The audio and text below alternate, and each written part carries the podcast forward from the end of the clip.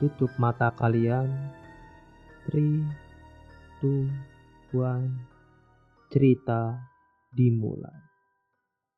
Cerita ini tentang pribadi gua sendiri yang terjadi kira-kira lima tahun yang lalu. Kejadian ini bertempat di pesantren atau juga bisa disebut sekolah yang berbasis islami yang bertempat di kota Bekasi dan di desa yang berinisial B. Tepatnya waktu itu gue duduk di bangku kelas 3 SMP. Kejadian ini mungkin menurut gue kejadian yang paling sial sewaktu gue menimba ilmu di pesantren. Karena menurut gue, kejadian ini sangatlah aneh untuk manusia normal pada umumnya. Karena sejatinya manusia hanyalah manusia. Dan bukan jelmaan atau bersekutu dengan makhluk yang lain. Singkat kejadian tepatnya di waktu hari Kamis bulan Februari. Sekitar jam setengah delapan malam. Peristiwa ini tidak dialami oleh gua sendiri. Gua bersama teman gua yang bernama Mahendar atau biasa dipanggil Jack. Setiap seminggu sekali di pesantren gua ada namanya kegiatan muhadoroh atau yasinan malam Jumat yang berlokasi di masjid pesantren. Semua santri atau siswa diwajibkan mengikuti kegiatan, karena diibaratkan kegiatan itu sudah menjadi kultur atau kebiasaan yang dilakukan setiap seminggu sekali. Dari mulai sore beranjak malam, semua santri bergegas menuju masjid untuk melaksanakan sholat maghrib berjamaah. Dan gue pada saat itu masih bersantai-santai karena menunggu antrian mandi di kamar. Kebetulan kamar gue lumayan besar, sekitar 10 kali 6 meter untuk 25 orang. Memang sih kedengarannya pasti sempit sekali. Ya gimana lagi, karena mendapat fasilitas kamar hanya itu. Setelah menunggu lama dan akhirnya gue pun mandi.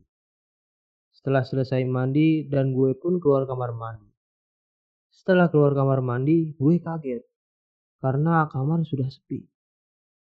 Gue berucap, wah, pada ke mana nih yang lain? Sialan gue ditinggal sendiri. Dan setelah gue berbicara, gak lama teman gue masuk yang bernama Gunawan. Gun, yang lain udah pada ke masjid. Udah mong, tinggal si Jack Jack di kamar sebelah. Mong itu nama samaran gue. Dan akhirnya gue jalan ke masjid bareng dia. Dan selesailah sholat maghrib berjamaah. Setelah sholat, gue ngomong ke Jack. Jack, lu udah bawa Yasin belum? Udah, Mong. Spontan dia mengeluarkan Yasinnya dari saku gamis. Ya, mana lupa lagi gue. Anterin gue ke kamar, Jack, mau ngambil Yasin. Ya udah, ayo. Dan akhirnya kita berdua kembali ke kamar untuk mengambil Yasin. Dan kami berdua berjalan menuju kamar yang kira-kira jarak dari masjid ke kamar itu sekitar 200 meter. Sesampainya di lantai bawah, kebetulan posisi kamar kita di lantai atas. Sebelum ke kamar, di situ kami berdebat karena dia mau nunggu di lantai bawah. Mong, gue nunggu di sini aja ya, lu ke kamar sendiri. Antarlah, masa gue sendiri ke kamar, ujar gue. Yaelah, kenapa sih? Tanggung Jack, cuma naik tangga doang apa susahnya? Setelah berdebat lama dan akhirnya dia pun mau. Bukan karena itu juga gue maksa. Karena sebelum kejadian ini, banyak kejadian aneh yang gue alami di gedung asrama. Akhirnya gue maksa dia untuk minta antar sampai ke kamar. Sesampainya di depan pintu kamar, gue mengecek kamar gue dikunci apa enggak. Pas gua cek, ternyata belum dikunci. Mungkin pikir gua Gunawan lupa. Setelah gua buka, spontan gue berbicara. Wih, tumben nih kamar bersih. Dan Jack pun juga berbicara. Wah, iya nih tumben bersih. Tapi yang gua heran, kok kasur pada ke mana? Pas gua masuk, gue ngeliat si Gunawan sedang jongkok tetapi dia membelakangi kita berdua. dia menghadap lemari yang di depannya. Tapi pas gue panggil, Gunawan, dia cuma nengok kepalanya. Dan gue lihat, muka dia aneh, ditambah ada gigi taringnya yang sampai melewati dagunya. Di situ gue langsung refleks lari terbirit-birit sama si Sampai-sampai gue loncatin tangga dari mulai tangga ke-8 sampai tangga pertama. Saking kagetnya dan tubuh gue gemetaran pada saat itu. Karena baru pertama kali gue melihat manusia yang punya gigi taring sepanjang itu. Setelah gue sudah di lantai bawah, gue berhenti sejenak untuk mengatur nafas. Tapi pas gue nengok ke lantai atas, gue ngeliat dia sedang ngeliatin gue dengan tatapan tajam ditambah gigi taringnya yang panjang itu. Akhirnya gue bergegas jalan karena takut terjadi kejadian yang membahayakan kita berdua. Di perjalanan gue bingung harus gimana dengan keadaan teman gue sendiri yang seperti itu. Di sepanjang jalan kita berunding mau ngambil tindakan gimana. Setelah berunding, kita putuskan untuk ke pengurus. By the way, pengurus tuh kakak kelas gue tapi yang punya jabatan sebagai yang urus seluruh santri di pesantren. Seperti OSIS kalau di sekolah umum. Yang bernama Bang Gilang. Karena gue denger dari teman gue, dia bisa nanganin orang-orang yang kesurupan. Dan gue bergegas ke kamar dia. Sesampai ke kamarnya, gue jelasin semua kronologi yang terjadi sebelumnya. Dia sempat kaget. Akhirnya dia bersedia membantu gue untuk menyembuhkan Gunawan yang ditemani satu temannya. Lantas kita bergegas menuju kamar gua. Sesampainya di depan kamar, gue melihat Gunawan sedang berjongkok di tengah kamar sambil ngeliatin kita berempat. Akhirnya kita masuk. Setelah masuk, Bang Gilang memanggil Gunawan dengan nada yang cukup tegas. Gun, kenapa lu? Tanya Bang Gilang. Seperti tadi juga, Gunawan hanya diam dengan tatapan tajamnya. Setelah memanggil, Bang Gilang mencoba menyentuh tubuhnya. Pas mau disentuh tubuhnya, dengan refleks Gunawan menjauh. Setelah itu Bang Gilang pun menyuruh temannya untuk memegang tubuh Gunawan dari belakang. Tapi pas mau dipegang oleh temannya, dia dengan refleks yang sangat cepat loncat seperti gue melihat pertama kali. Tinggi sekali loncatannya. Bang Gilang pun akhirnya mengeluarkan tasbih dari saku. Dan Bang Gilang melakukan doa-doa yang di situ gue juga nggak tahu apa yang dia baca. Selingga lama Bang Gilang membaca doa, Bang Gilang menyuruh temannya memegang kembali Sugunawan. Ketika sedang dibacakan doa oleh Bang Gilang, sontak Gunawan teriak lirih seperti monyet yang kesakitan. Gue juga nggak tahu bisa sesakti itu Bang Gilang. Setelah gue berempat megangin Gunawan, Bang Gilang mulai memutar tasbihnya sambil membaca doa-doa. Pada saat itu gue juga bingung Bang Gilang baca doa apa. Ketika Bang Gilang sedang membacakan doa, gue gak berani melihat mukanya Gunawan. Karena wajahnya yang sangat aneh, terus hidungnya seperti ketarik ke atas. Dan ditambah giginya yang sangat panjang. Gak lama Bang Gilang mengusap mukanya si Gunawan. Setelah diusap masih belum ada perubahan. Tapi pas diusap ketiga kalinya, wajahnya kembali normal dan Gunawan tidak sadarkan diri. Ketika tidak sadarkan diri, Gunawan dipindahkan ke kasur yang berada di sebelahnya. Setelah itu, Bang Gilang pun menyuruh gue untuk mengambilkan air di dispenser yang berada di pojok kamar. Setelah gua ambilkan air segelas, Bang Gilang pun membacakan doa.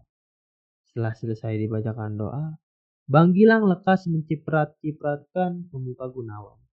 Dan akhirnya Gunawan sadarkan diri. Setelah sadarkan diri, Gunawan pun diberi minum air yang tadi sudah dibacakan doa itu. Tetapi kondisi Gunawan masih lemas.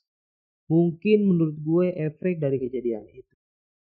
Setelah Gunawan normal kembali, Bang Gilang berpamit karena dia ingin ke masjid untuk mengikuti kegiatan rutin malam Jumat. Alhasil gue disuruh bersama Jack jagain dia di kamar. Dan kita diizinkan untuk tidak mengikuti kegiatan tersebut. Manggilang pun beranjak pergi, dan gue berdua menjaga Gunawan di kamar. Tapi posisi gue di depan pintu, karena gue masih trauma dengan kejadian sebelumnya. Jam menunjukkan 10 malam. Akhirnya selesailah kegiatan itu. Dan juga sudah mulai terdengar suara-suara santri yang berlarian. Selama gua menjaga sih aman-aman aja.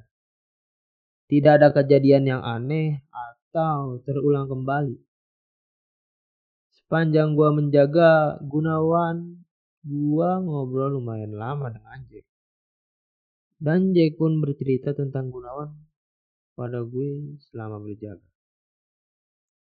Mong, lu tahu nggak cerita tentang dia yang berbau-bau mistis lain yang ini? Enggak, Jack. Emangnya ada cerita lain yang menyangkut dia? Ada, Mong. Jadi kejadian itu tepatnya di rumah dia.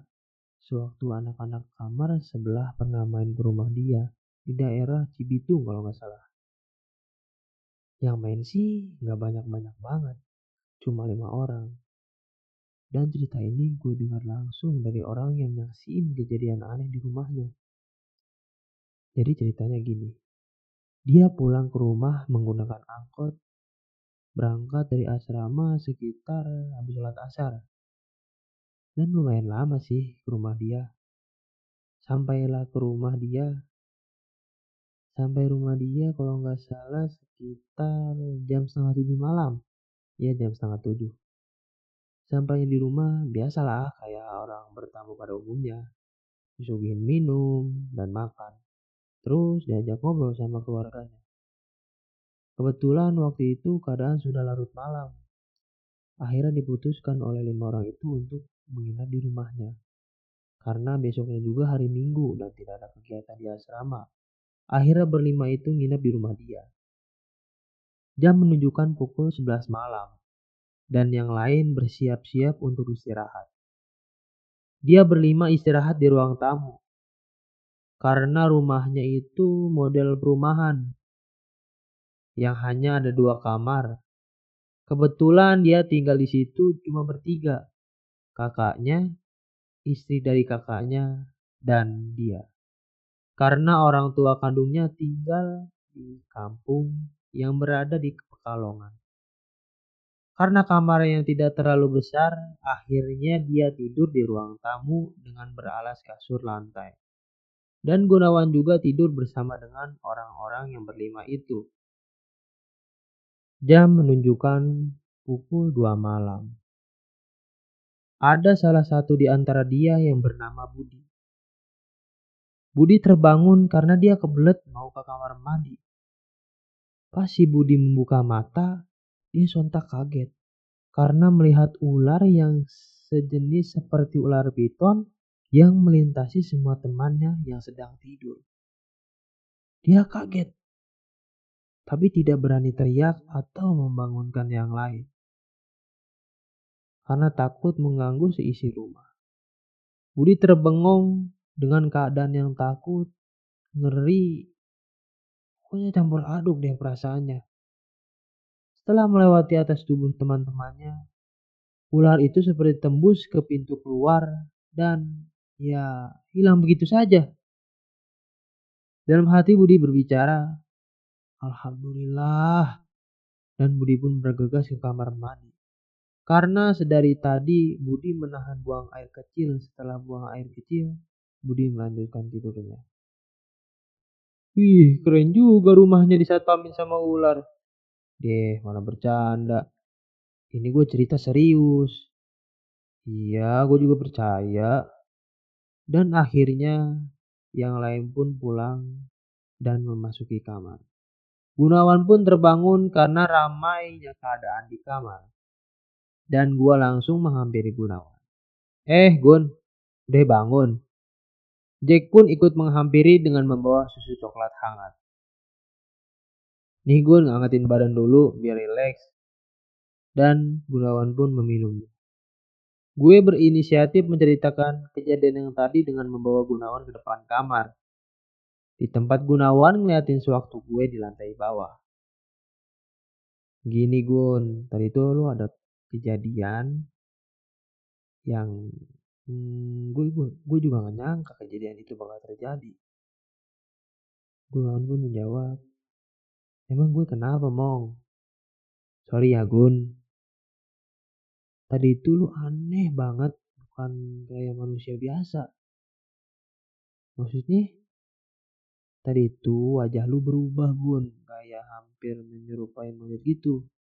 Ditambah gigi taring lu panjang dan loncatnya itu yang aneh menurut gue. Gue ngelihat lu loncat dari pojok kamar sampai depan pintu. Sebenarnya gue itu tuh masih sadar. Gue tahu lu datang sama si Jack berdua pakai gamis sama sorban hijau kan. Dalam hati gue bicara, kok dia bisa tahu ya? Gue tuh niatnya mau minta tolong ke lu buat minta bantu ke yang lain. Alhamdulillahnya lu berpikiran begitu dan Bang Gilang lah yang nolongin gue kan. Iya Gun. Tadi itu gue, Jack, Bang Gilang, sama temannya Bang Gilang, satu orang, gue berempat buat sadarin lu. Emang ceritanya gimana sih? Kok bisa-bisanya lu jadi begitu? Gue tuh tadi habis mandi, terus beres-beres kamar sebentar. Nah, pas habis beres-beres kamar, gue mau berangkat, tiba-tiba perut gue mules. Ya udah dong, gue ke kamar mandi lagi. Dan pas di kamar mandi gak lama kepala gue pusing dan gue merem sebentar. Tapi pas gue buka, tiba-tiba gue lagi di tanah lapang yang dikelilingi sama hutan duri. Gue juga bingung kenapa gue bisa di situ. Dan tiba-tiba di tengah lapang itu loncat dari pepohonan duri sosok monyet tapi ukurannya sama kayak manusia. Dan di situlah gue langsung diserang. Dan gue berantem sama dia. Kebetulan gue juga punya ilmu yang kayak gitu. Tapi punya gue kerbau putih. Nah, di situ yang berantem kerbau putih gue lawan itu monyet. Akhirnya berantemlah hodam gue sama si monyet. Terus si monyet kalah. Setelah kalah gue tanya, lu siapa dan siapa yang nyuruh lu buat nyerang gue? Monyet itu gak ngejawab dan tiba-tiba berubah jadi cahaya merah dan masuk ke tubuh gue. Dan itulah cerita akibat gue seperti itu. Itulah cerita true story gue lima tahun yang lalu.